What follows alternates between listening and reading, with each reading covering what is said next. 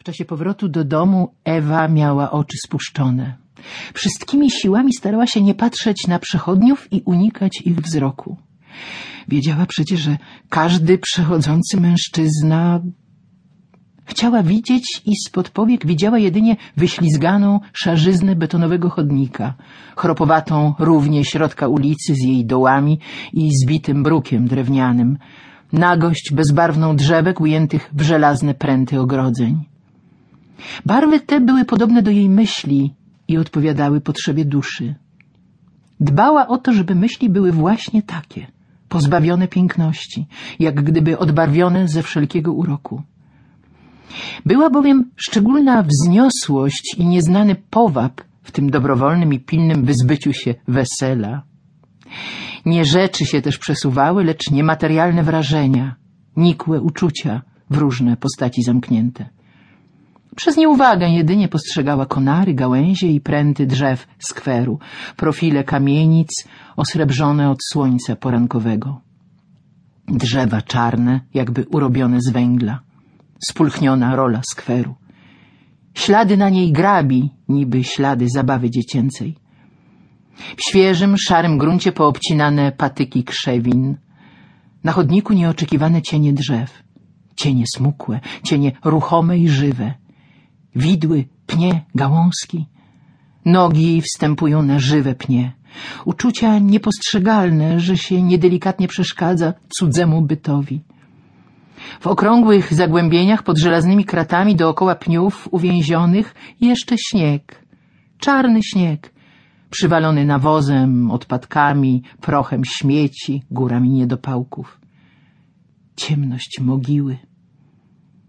Lecz już tam trawa zielona puściła pędy. Wiatr chwieje i nagina maleńkie jej pióra. Wiatr chłodny, rozwichrzający włosy, dociera do ich korzeni. Mnóstwo wszędzie połysków, skupień światła, ognisk, polśniewań, barw. Żebrak leży na chodniku przy marmurowych schodach wielkiego gmachu.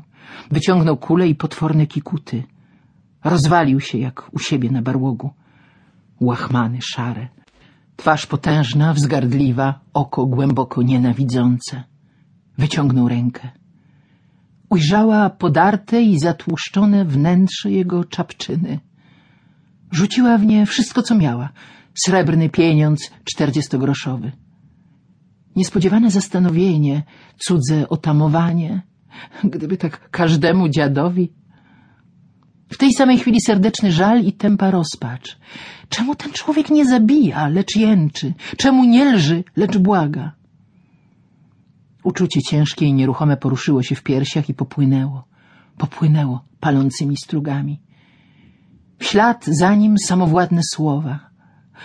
O miasto, miasto. Gdybyż była w człowieku moc, żeby mógł przycisnąć do piersi ciebie, o miasto. Gdybyż można było odkupić wszystek nieszczęśliwy świat.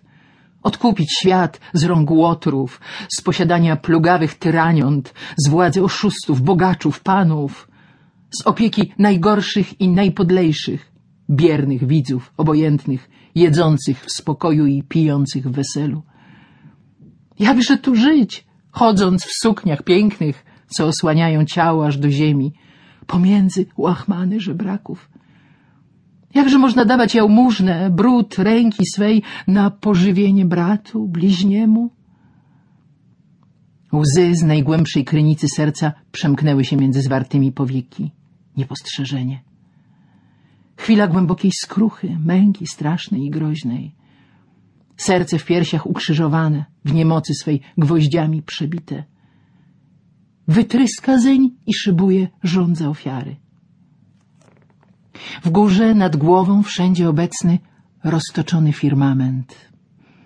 Słowo olbrzymie, miłościwe, kojące, słowo drogocenne. Ogarnia sobą męczarnię. Jak nowy powiew wietrzyka przefruwa znowu ta sama dawna, cudna i głupia myśl pokuszenie, doskonałość duszy, czystość serca. Jest to także egoizm. Jakże tu iść w swej czystości wśród grzechów straszliwych świata? Chrześcijanin powinien przecie zbawić ludzkość, gdybyż inaczej.